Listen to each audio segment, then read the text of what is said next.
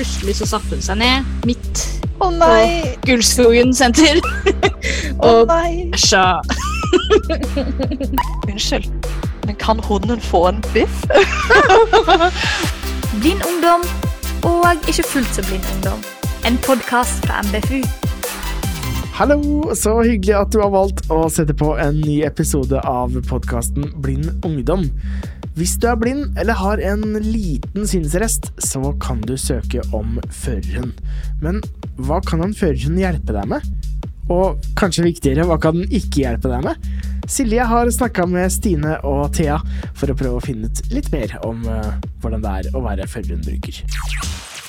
Jeg heter Stine Jåtun. Jeg er 32 år. Jeg har RP, og jeg har da ca. 1 grad synsfelt igjen. Jeg har hatt førerhund siden 2006, og er nå på min tredje førerhund. Den første var en labrador, og så har jeg nå hatt to schæfere. Den jeg har nå, har jeg hatt i ett år. Han heter har det klingende navnet DJ. Jeg er veldig fornøyd med han, altså. Jeg heter Thea. Jeg er eh, 23 år. Jeg bor sammen med min samboer, og jeg studerer psykologi. Jeg ser ca. 5 eh, fordi jeg er født for tidlig, så jeg har litt diverse skader på øynene. Og jeg er på min første førerhund, som jeg har hatt nå i snart et år. Eh, hun heter Juta og er en svart labrador. Både labradorer og schæfere er så utrolig fine hunder. Dere kunne ikke sagt litt om hva førerhunden betyr for dere? For meg så handler jo egentlig førerhund om frihet. Det å ha muligheten til å komme seg ut og både gå lange turer, gå turer i byen, den gangen man gjorde det før koronaen. Ta en tur på kjøpesenter på egen hånd, få meg ut og springe eh, i marka. I tillegg så er jo hund for meg en stor hobby, så jeg trener masse med lydighet og gjør masse sånne gøye ting som jeg syns er kult. Og så er det jo fryktelig godt selskap.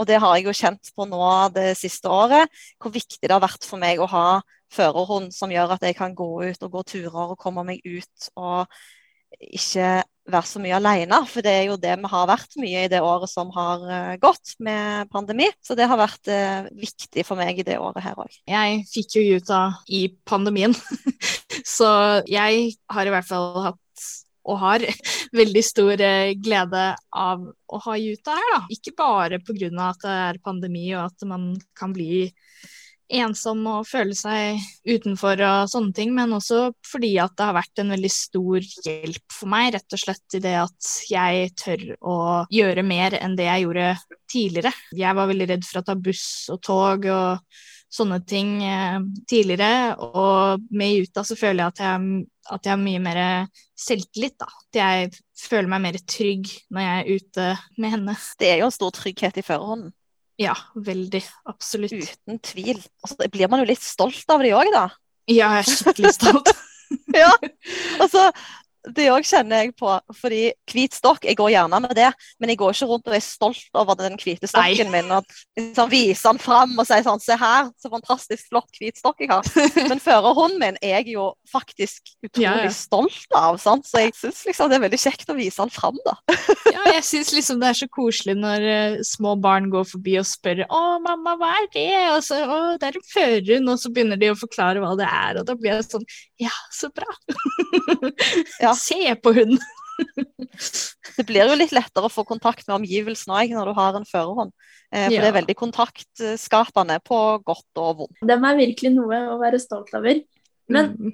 hva kan man egentlig bruke en førerhund til, sånn i hverdagen? Førerhunder er jo lært opp til å sørge for at du går trygt. Eh, Så de passer jo på at du ikke skal gå på hindringer, eh, verken nede på bakken eller oppe i lufta. Eh, De skal sørge for at du går utenfor mennesker og ting som beveger seg. Og så skal de jo være trygge i den forstand at de ikke skal gå ut i trafikken. Og de skal stoppe på fortauskanter, de skal stoppe foran trapper. Og i tillegg så kan de finne en del ting. De kan finne f.eks. fotgjengerfelt, eh, stolper, dører, trapper og stoler. eh, Sånn at de kan da finne alle disse holdepunktene for oss. Men jeg må jo vite hvor jeg skal gå, sånn omtrent. For eh, jeg kan ikke gi en adresse til hunden min og så finne den fram på egen hånd. Det er en stor trygghet for meg å ha henne der, ikke bare i forhold til synet, men også i forhold til meg også. Og med tanke på at jeg sliter med angst og sånne ting, så hjelper det veldig mye å ha en hund å bare kose litt på, eller ja, kjenne at hun er i nærheten, da. Ja, for det var det jeg tenkte litt på, at denne førerhuden den er jo ikke bare et fysisk hjelpemiddel. altså Det er vel mye i det psykiske også, kan jeg tenke meg.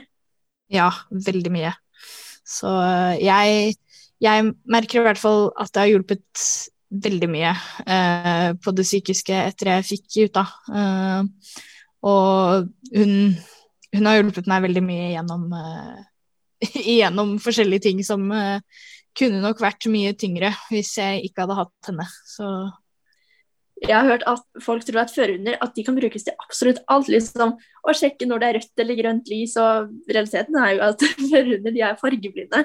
Så førerhunden kan jo ikke hjelpe med alt. Um, har dere lyst til å si noe om det? Hva er det hunden ikke kan hjelpe dere med i hverdagen? De kan jo ikke hjelpe med å på en måte se når man kan krysse gata altså med rødt og grønt lys og sånne ting. Og, så det kan hun jo på en måte ikke gjøre for meg, da. Hva, hun vet ikke hva én meters avstand er. Så hun, for henne så blir det litt vanskelig å overholde alle disse koronareglene. Det er jo en del som tror at det er hunden som styrer når vi skal krysse veien.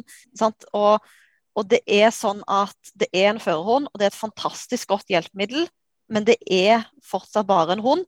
Og du kan ikke stole på at en altså du kan ikke stole 100% på en hund. sånn, sånn at du kan ikke uh, gi den, uh, det ansvaret over på den hunden. At det er den som skal bestemme når du skal krysse veien. Um, sånn at det er det jo vi som er nødt til å gjøre med å høre ja. på lyden av trafikk og, og trafikklys og sånne ting. Uh, og ellers så får jeg jo av og til litt sånn rare spørsmål. Altså Det er faktisk ganske mange ganger at jeg har gått ute med førerhund og så kommer jeg i prat med noen, og så sier de 'Men kan du kjøre bil?' Og så blir jeg litt sånn Gud, hvor tror du på en måte at, Hvordan tror du at jeg skal kunne eh. kjøre bil? Jeg vet ikke om de da tenker at det er hunden som skal hjelpe meg med det, men, eh, men jeg får jo litt sånn rare, rare spørsmål. Og, og, jeg får jo òg spørsmål om jeg bare kan gi en adresse til hunden, og så vet han hvor vi skal. Det får jeg ganske mange eh, spørsmål om. Eh, og det kan han ikke. Du må faktisk vite liksom, litt hvor du skal gå sjøl. Eh, og hunden skal jo på en måte bare gjøre sin jobb og gjøre de tingene den er lært opp til. Så det er jo jeg som er nødt til å si høyre og venstre og, og foran og holde styr på de retningene. Man kan jo gå med førerhunder på steder som er ukjente for begge to, men det er klart at det er mer krevende for begge to. Hunden òg syns ja. det er vanskelig når man er på et helt nytt sted. I ja. går hadde jeg den geniale ideen at jeg skulle gå fra Skullerud til Holm Holmlia. Jeg har aldri gått der før, eh, og det har jo ikke han heller. Jeg eh, tenkte at jeg gikk ut i godt mot eh, og tenkte får jeg det ikke til, så ringer jeg nå bare en taxi. Eh, og hadde med meg eh, telefonen med Google Maps og Blind Square på og gikk av gårde. Og det var en tur som det sto på Google Maps at den skulle være 6,5 km. Eh, jeg kom fram, da hadde jeg 2% strøm igjen. og jeg hadde gått 11 km. Så jeg vet ikke helt hvor jeg egentlig hadde vært. Men det gikk jo greit, da, på et vis. Vi ja, litt snille mennesker. og forbanna kartet litt, som ville ha meg inn i skogen eh, på veldig rare stier og sånn. Men, eh, men, vi kom oss fram, da. Ja, det er jo hyggelig altså... Jeg hadde jo ikke gjort det med en stokk. Det hadde jeg jo ikke. Jeg, eh, jeg, føler meg jo litt sånn Det er meg og DJ. Vi går ut i verden, og så tar man med storm. ja, det er litt sånn jeg har det med Juta også. Det, det, virker som det er mange som tror at uh, føreren har en innebygd GPS. At den liksom klarer å den veit akkurat uh, hvor den skal gå, for den har et kart oppi hodet. Men den har jo egentlig ikke det. den er kjent på liksom vanlige ruter som vi pleier å gå. De faste rutene det går jo som en lek, det er jo ikke noe stress i det hele tatt. Mens uh, når man skal bevege seg på nye veier og nye områder, eller hvis man skal lære seg en ny rute, liksom, så da, da må mm. man regne med at det tar litt at man ligge til litt ekstra tid. Helst ja. ikke gjøre det hvis du har veldig dårlig tid en dag. og så er det jo, som vi har vært inne på et par ganger, at de er jo fortsatt bare hunder, disse dyrene. Og de har sin ja. egen vilje. Og eh, de jeg har hatt, de har ganske ofte hatt eh, en tanke om at de ikke vil hjem ennå. Ja. Eh, så de har liksom bare svingt inn på en annen vei, eller ja. nekta å gå til venstre når jeg har bedt dem om å gå til venstre. Ja, og så, nei, nei, det er ingen vei her. Så, så de har jo de har absolutt sin egen vilje på det. Ja, jeg hadde eh, noen episoder eh, når eh, jeg skulle prøve å begynne å gå, lage en ny fast rute, sånn at vi har litt flere faste ruter. Eh, og da går vi jo først et lite stykke på den vanlige faste ruta, før vi må svinge og gå en annen vei. Når vi da skulle begynne å gå den andre veien, så styrtet hun imot. Det var helt Jeg måtte dra henne etter i båndene fordi at hun nekta å gå den veien. Var Veldig jeg måtte, ringe, jeg måtte ringe treneren eh, snakke med henne senere. Og hva gjør jeg nå? Hva er dette for noe? Hva skjer nå, liksom? Men hun bare Ja. Nei, du må bare, må bare fortsette å prøve. Og hvis hun ikke vil, så må du bare ta henne i bånd og bare få henne videre. Og så skjønner hun det til slutt. Min elsker jo å gå nye plasser, men han, eh, han avslører seg sjøl. For at eh, når vi, vi går på den faste rutene, og, og han vet at vi er på vei hjem, så går det litt sånn sakte. Ja. Eh, Og hvis vi går litt feil, sånn at vi går inn på en annen vei, så øker jo trekket Ja. til det firedoble. Så da skjønner jeg jo at nå, nå har vi gått litt lenger enn vi Ja. skulle. Så han avslører seg sjøl. Han har heldigvis ikke skjønt det ennå. Det må jo oppstå noen veldig morsomme og artige situasjoner når dere har med dere hunden deres absolutt overalt. Er det noen av dere som har noen morsomme historier dere har lyst til å dele? en av de første gangene hvor jeg skulle gå meg ut av, det var på det, det samtreningskurset. og så skulle vi gå på et senter. Jeg hadde prøvd så mye å få henne til å bæsje før vi gikk inn på det senteret, men hun skulle ikke bæsje. Og jeg tror jeg sto ute der en halvtime, kanskje mer enn det, for å prøve å få henne til å gå på do. Nei vel, hun ville ikke på do, ok, tenkte jeg. Og så hun førertreneren min, hun bare ja, ok, men da prøver vi, da kanskje hun ikke må på do. Og så kom vi inn, og så gikk vi, og så plutselig så satte hun seg ned midt Å nei! Gullskogen senter og bæsja. Å, så fælt! Og det var så mange som gikk forbi og bare Hva er det som skjer nå? Og jeg ble så flau, og treneren min bare Å, ikke noe problem, jeg hadde en uh, førerhund i trening en gang som bæsja i en rulletrapp, så dette er ingenting. bare plukka opp bæsjen og kasta den. Hunder er jo utrolig kule. Jeg må fortelle en historie fra min første førerhund. Eh, nå blir det litt sånn eh, prat om eh, bæsj her, det var jo kanskje Ja, beklager. Men, eh, men han var altså utrolig glad i å spise drit, som han fant. Det er min nå. Åh, det er helt forferdelig.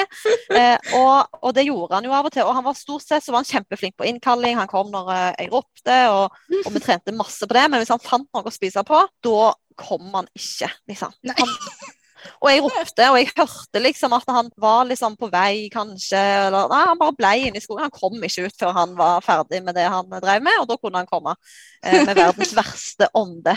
Og så, og så ble han jo pensjonist, og da flytta han til noen venner av meg. Ja. Eh, og så sier de ganske tidlig til meg så sier de sånn Stine, vi ser at eh, Kalmar er vant med å, å gå med bjella. Så jeg sånn, OK, hvordan ser dere det? Nei, fordi han hadde stukket av, og så hadde han sprunget ned i hagen til naboen, og så hadde han stått og spist kattedrit. Og så hadde de ropt på han, og så så de liksom at han løfta hodet, og så så han opp på dem, og så begynte han å riste på hodet. For da pleide jo bjella å lage lyd, og da trodde jo jeg at han var på vei. Så sto han og rista på hodet, og så fortsatte han å spise. Gud! Så, så da hadde han liksom tenkt at da, da tror hun at jeg er på vei. Og det, det har jeg gått på så mange ganger. For jeg har jo hørt at den bjella har begynt. Så har jeg sagt sånn Ja, kjempebra! Kom igjen nå! Og så har han bare, bare, bare stått der og rista på hodet.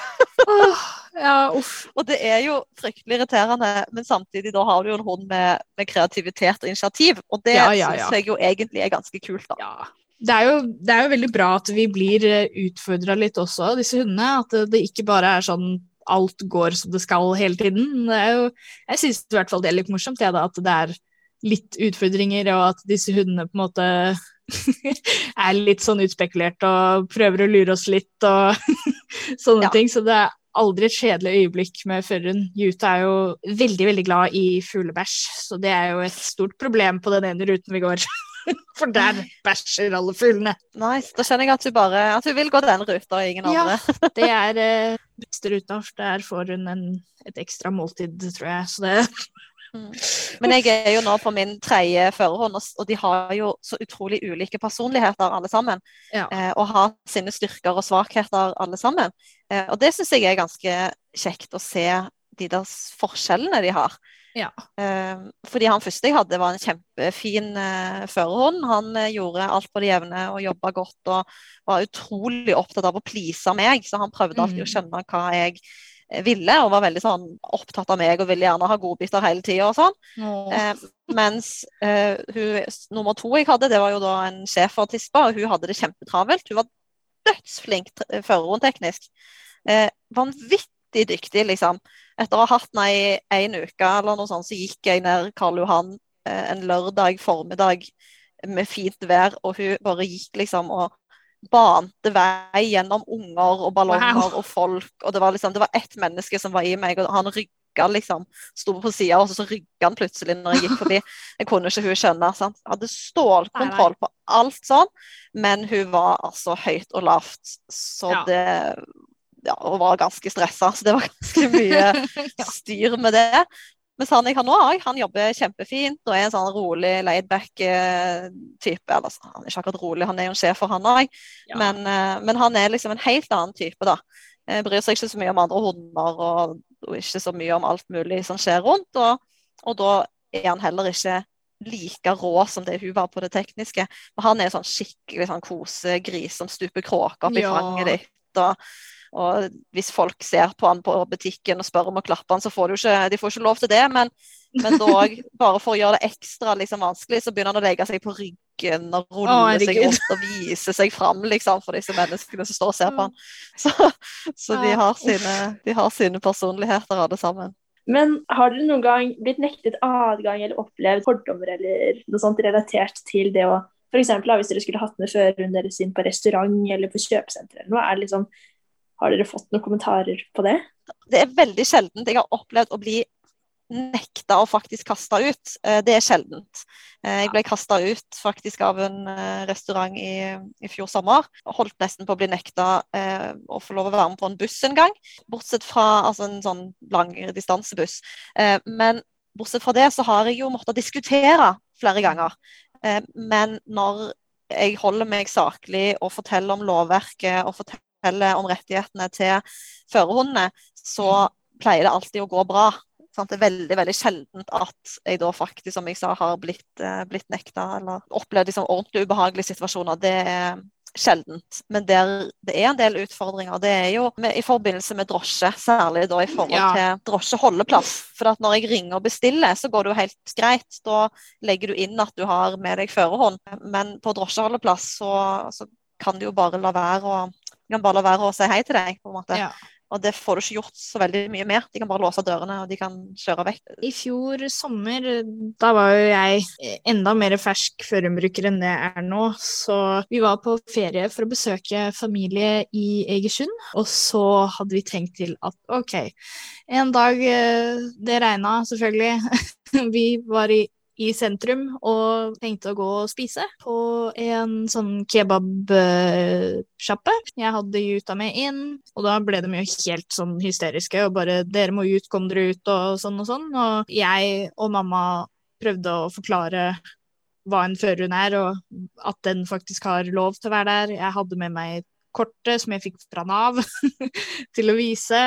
Vi sa at uh, dere kan ringe Mattilsynet, de kan forklare dere, men de vil ikke høre på det, så de kasta oss bare ut. Eh, og så tenkte vi bare OK, da går vi et annet sted. Gikk på en ny kebabsjappe, eh, og det samme skjedde der også. Da ble moren min faktisk så sint at hun eh, kontaktet avisen i Egersund. så, så det ble så det ble lagd eh, sak, da. Og så fikk vi melding eh, fra begge stedene etterpå. Hvor de beklagde seg og sånn, og vi fikk gratis kebab hvis vi ville. Skulle bare mangle. Ja. Uff. Ja. Så etter den hendelsen så har jeg ikke tatt med meg ut da på gatekjøkken eller noen sånne ting. For det Jeg bare har lyst til å unngå sånne ting. Eh, kjenner at det, det var veldig ubehagelig eh, når det skjedde så mye sånn etter hverandre og sånne ting. Så har jeg bare unngått enn å ta med henne på de stedene. Men på vanlige restauranter og vanlige kafeer så går det veldig greit. Der har vi fått veldig bra service, og de har kommet med vann til hun, og ja, det er veldig Har egentlig veldig generelt bra bilde av hvordan eh, sånne type plasser er, da, når de møter en gjest som har en førhund eller sånne ting. Da. Jeg var på, jeg var på Bighorn på Aker Brygge en gang, mange år siden. Da hadde jeg den første oh. førhunden min. Og så kommer hovmesteren bort etter sånn og sier han, unnskyld, men kan hunden få en biff? og en annen gang da, da var jeg på Meny på, på Majorstua. Ja. Og så sto de der og lagde sånn salmalaksburgere og drev og, og solgte og liksom holdt på med det. da. Og hun syntes jo at hunden min var så veldig fin. Så hun bare Ja. Kan han få litt salmalaks, liksom? Kan de, kan de pakke en boks så hun kan få med seg hjem? så søte. Fikk jeg med meg sånn eh, nesten et halvt kilo med salmalaks liksom, hjem til, til, hunden. Wow. ja, og møte på litt eh, sånne ting òg. Det er bra. Men jeg lurer på, er det mange som kommer bort og liksom skal klappe? Det står jo sånn førhund i arbeid, ikke forstyrr, men eh, det er vel gans, kanskje noen unger og kanskje eldre også som kommer bort og gjerne vil kose og klappe, kan jeg tenke meg? Ja, det er jo det. Jeg opplevde nok mest med den første hunden min, tror jeg. Schæfer ser liksom litt skumlere ut, kanskje. Men ja. eh, alle som har hatt liksom, en schæfer i familien, eller eh, en eller annen gang har hatt en eller annen assosiasjon til en hyggelig sjef, og de kommer jo og snakker med meg, føler jeg. Mm. Men um, jeg husker at jeg syns det var noe av det aller vanskeligste når jeg fikk hund. Det Ja. var liksom å si nei til folk. sånn, sånn 50 år gamle damer som kom bort til meg i butikken liksom, og spurte om å klappe. Og jeg var litt sånn eh, Ja, jeg må bare ta av selen først. Så jeg kan ikke holde på sånn. Nei, Eh, jeg syns hun- også det er skikkelig vanskelig å si nei. Det, det blir så påtrengende noen ganger at det blir sånn åh, det, Ja, Ja. Og så blir de fornærma, vet du. Ja, de blir det. De blir sånn Ja. å ja, ok. Og så, og så går de bare. Ja, men det er ikke min feil. Men nå har jeg stort sett klart å liksom Det rister jeg stort sett av meg Mm. eh, når det er fremmede folk. Men jeg syns det er vanskelig med omgivelsene mine òg, som har Mm. forventninger om at de selvfølgelig må få lov å klappe hunden min. Ja. Eh, og jeg fikk jo sant, jeg fikk jo ny hund for et år siden, og det gjorde jo du òg, eh, Thea. Mm. Og, og da var det så mange som liksom hadde sånn forventninger om at vi kan vel klappe han etter hvert. Ja. For alle, veldig mange på jobben min håpte liksom at de skulle kunne gjøre det. ja. Familien, sant? Og så tenker de ikke over hvor mange det faktisk blir. Og hunder er jo nydelige, men de er jo litt sånn enkle sjeler. Ja. Eh, sånn at for å være veldig grei med hundene våre, så bør vi jo være konsekvente. Ja. For at hvis de får lov å hilse og kose en dag, og så får de ikke lov en annen dag, og så får de lov med Mm. noen og ikke med andre, så, så blir de jo ganske forvirra på hva er det egentlig som er greit. Ja. Og de skal jo jobbe, og de, de er jo altså, Det høres kanskje litt kynisk ut, men, men for meg er det jo ikke viktig om den liker å kose med andre mennesker. Det er et hjelpemiddel for meg, og den er glad i meg, og det er det den skal det er det den skal gjøre. Den får mer enn nok ja, ja, ja. av meg, sånn at den lider jo ingen nød om man ikke Nei, får masse kos fra andre mennesker. Så jeg er jo ikke slem med den hvis den Nei. ikke får hilse. Men, eh, men det syns jeg er noe av det vanskeligste. Det er liksom Familien har så lyst, og kollegaene har så lyst, og folk du treffer på kurs har så lyst. Og, det liksom, og så blir det ganske mange mennesker egentlig etter hvert. ja, ja, ja, selvfølgelig. Barn er mye mer flinkere til det enn voksne. Ja, veldig. Eh, det har jeg lagt merke til, at små barn er mye flinkere til å spørre før de i det hele tatt tar kontakt med, med hunden. De, de spør alltid meg først, eller, eh, eller så tar de ikke kontakt med hunden. De står heller og prater med meg og, og, og spør meg om ting angående Juta, og, da, og det, det syns jeg er veldig, veldig bra. At barna Mm. faktisk Ja, de er er de tenker mer enn enn de som er kanskje godt voksne, ikke sant? som bare, bare tar seg friheter, på en Ja. måte, da. Ehm, så, det overrasket meg veldig. Det var så koselig i går. Jeg, gikk, eh, jeg går mye turer rundt her jeg bor, og så gikk jeg forbi to små unger i går. Og så Ja. hører jeg den ene si til den andre sånn Den schæferen der, den ser jeg veldig ofte, og den kan du ikke klappe. ja. Fordi det er en førerhund. det har jeg hørt òg. De er søte. De skal liksom Ja. drive og opplære hverandre. Men det er jo Det kan jo være veldig forstyrrende, da, for å, Ja. å ta den alvorlige biten av det, når ja, folk prøver å forstyrre førerhunden vår. Eh, jeg opplever jo ganske ofte at jeg hører folk som prøver å plystre på hunden og smatte på hunden, og til og med folk som står og bjeffer til hunden, eller mjauer. Altså, folk gjør så mye rart. Og, og jeg har jo òg Jeg har heldigvis ikke opplevd at folk har bare gitt hunden min mat når han er på jobb, Nei. men jeg kjenner jo andre førerombrukere som har opplevd at, Ja. at folk har gått forbi og strukket ei pølse til hunden, liksom. Ja, ja, ja. um, og, og det kan skje uh, ulykker hvis hunden blir forstyrra Ja. eh, når den er på jobb. For det er jo, som vi har sagt så mange ganger, bare en hund. Eh, og hvis det er noen som står på andre sida av veien og lokker til seg hunden, så kan den skrå rett over en trafikkert vei. ja, ja, Eller den kan glemme å stoppe på en fortauskant. Eller den kan eh, ikke få med seg at det er en lyktestolpe der, og, og du går rett på den. Så, så det kan få ganske store konsekvenser hvis eh, hunden blir forstyrra i arbeidet.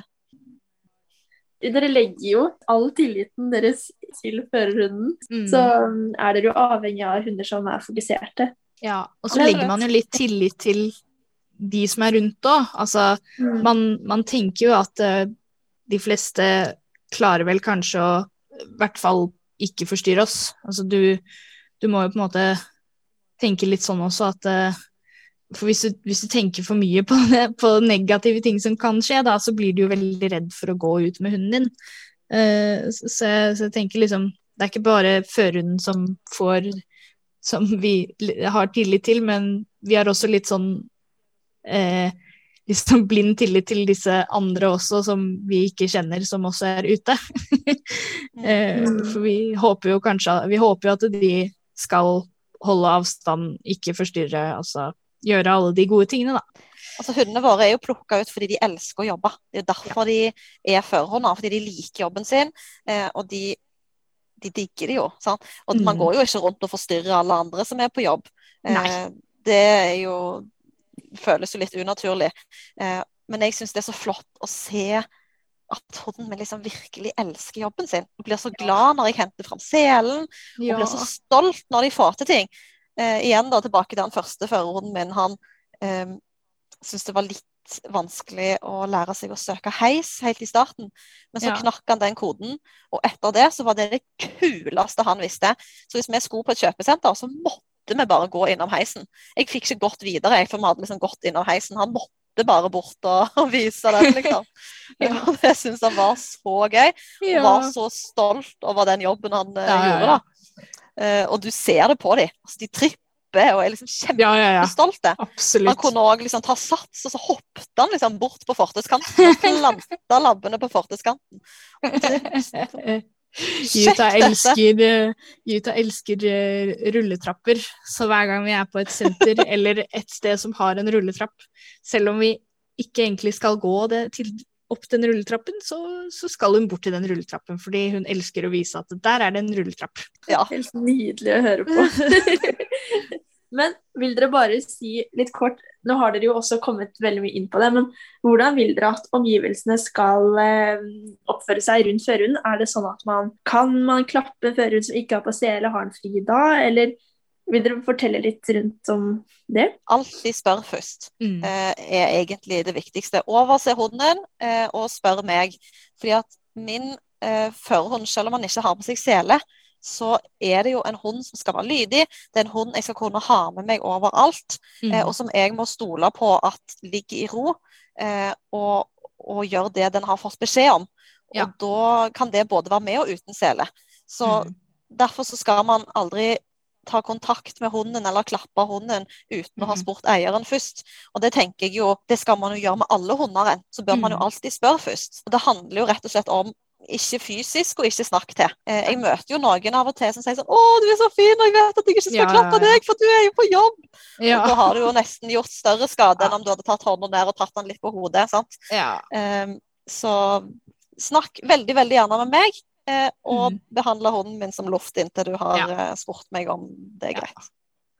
Når du kommer med din egen hund, så ta hensyn, og så skal vi ta den hensynen som vi klarer å ta. Ja. Ja. Eh, og en ting som jeg har opplevd mye nå, i, særlig nå i pandemitida, eh, men som jeg opplever ellers òg, det er jo at våre førerhunder de er lært opp til å primært holde venstre side av veien. Fordi ja. det skal man gjøre på trafikkert vei, så skal man holde venstre side.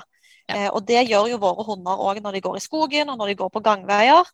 Eh, mm. Mens nå er det veldig mange ute i skogen som holder høyre side av veien, og, Mhm. som, og der vår kjære statsminister har gått ut og sagt at det eh, bør man gjøre.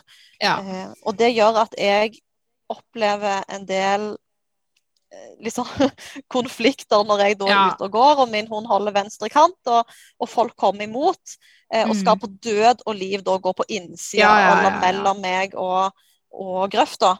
Ja. Eh, enten de har med seg hunder eller ei. Eh, og så stopper de kanskje rett eh, liksom, foran meg på den sida jeg går, med sin hund. Eh, Ja. Og da er det ganske vanskelig for min hund, fordi den vet at skal holde, den skal holde venstre kant, og den Ja. skal ikke gå altfor langt ut i veien. Og så må Mm. han gå rundt den hunden som kanskje står og bjeffer og er kjempeivrig. ja, ja. Og, så, og så skaper det en litt sånn vanskelig situasjon for min hund. Da er det mye lettere om den som har den andre hunden, kan stille seg på andre sida av veien, sånn at det slipper å bli møte hund mot hund, så man kan få best mulig avstand mellom hundene. Eh, mye enklere å passere da. Mm. Noen syns nok det er fryktelig deilig å bare kunne komme hjem fra skole eller jobb og bare legge fra seg den hvite stokken, men er du en av dem som ønsker et firbeint hjelpemiddel, så er det ingenting i veien for å søke dersom du er synshemmet og hundeglad. Tusen takk for eh, en kjempehyggelig prat, Stine og Thea. Det har vært utrolig hyggelig å ha dere med i dag, og så får dere ha lykke til videre med de fine firbeinte vennene deres. Tusen takk. For at dere ville snakke med oss. Det har vært kjempegøy.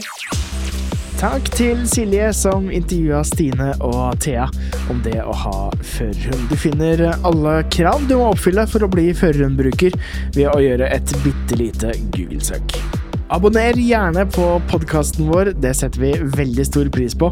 Og følg oss gjerne på Instagram. Vi heter Norges Blindeforbunds Ungdom. Du har hørt Blind ungdom, en podkast produsert av Norges Blindeforbunds Ungdom med støtte fra LNU.